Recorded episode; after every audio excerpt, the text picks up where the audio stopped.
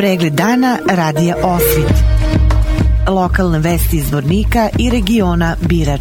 Pratite pregled dana za 20. oktobar 2023. godine. Građani Zvornika mogu očekivati početak radova na putnoj deonici Zvornik Šćemlija Glumina, koja će uveliko rasteretiti putnu deonicu Zvornik Karakaj. Prvi čovek grada Zvornika, Bojan Ivanović, je putem Facebook stranice o putnoj deonici Zvornik Šćemlija Glumina građanima Zvornika poručio. Sa saradnicima sam obišao buduću trasu puta Zvornik Šćemlija Glumina. Očekujem da već u sledećoj godini bude izgrađena asfaltna trasa na ovoj deonici puta u dužini od 2400 stotine metara. To podrazumeva izgradnju putne komunikacije širine 5,5 metara koja će omogućiti da se iz centra grada Zvornika stigne u Orahovac za otprilike 5 minuta i u značajnoj meri rasteretiti magistralni put Zvornik-Bijeljina.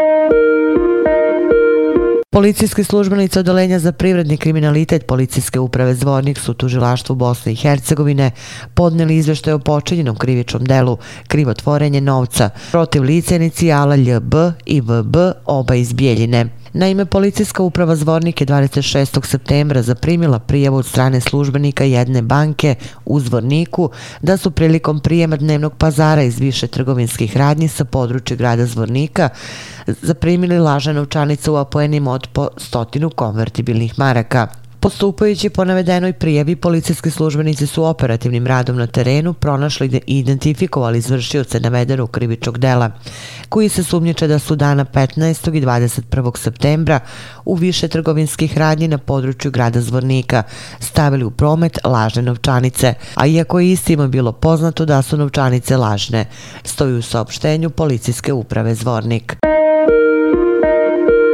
U Srednjoškolskom centru Petar Kočić u Zvorniku juče je održan sastanak multisektorskog tima Briga o deci, zajednička odgovornost i obaveza.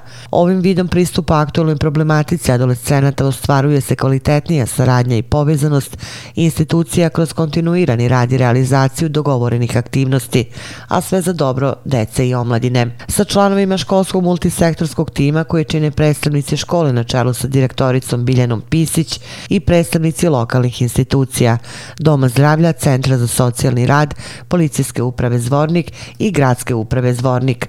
Ostvarena je uspešna saradnja od početka zajedničkog delovanja. Globalni cilj ovog programa je da se saradnjom i zajedničkim delovanjem uz uvažavanje prednosti multisektorskog pristupa obezbedi sigurno i posticajno okruženje za rast i razvoj dece. Inače, Srednjoškolski centar Petar Kočić u Zvorniku, zahvaljujući Ministarstvu prosvete i kulture Republike Srpske, dobio je 32 nova računara za potpuno opremanje dva kabineta informatike. Ranije su pomenuta dva kabineta izvršeni radovi zamjena instalacija, te će se na ovaj način dodatno poboljšati izvođenje nastave informatike, ali i praktične nastave u struci ekonomija, pravo i trgovina.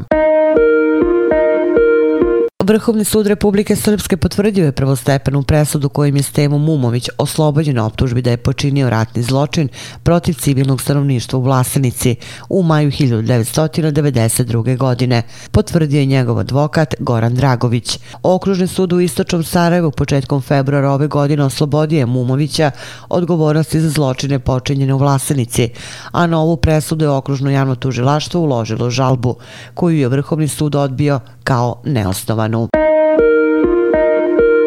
Vesti iz Loznice.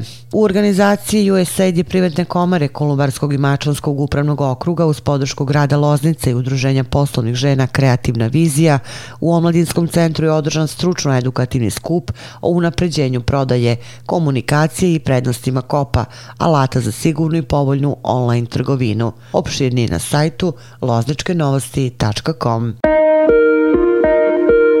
Pratili ste pregled dana za 20. oktobar 2023. godine. Prijetno. Pregled dana radija Osvit. Lokalne vesti iz Vornika i regiona Birač.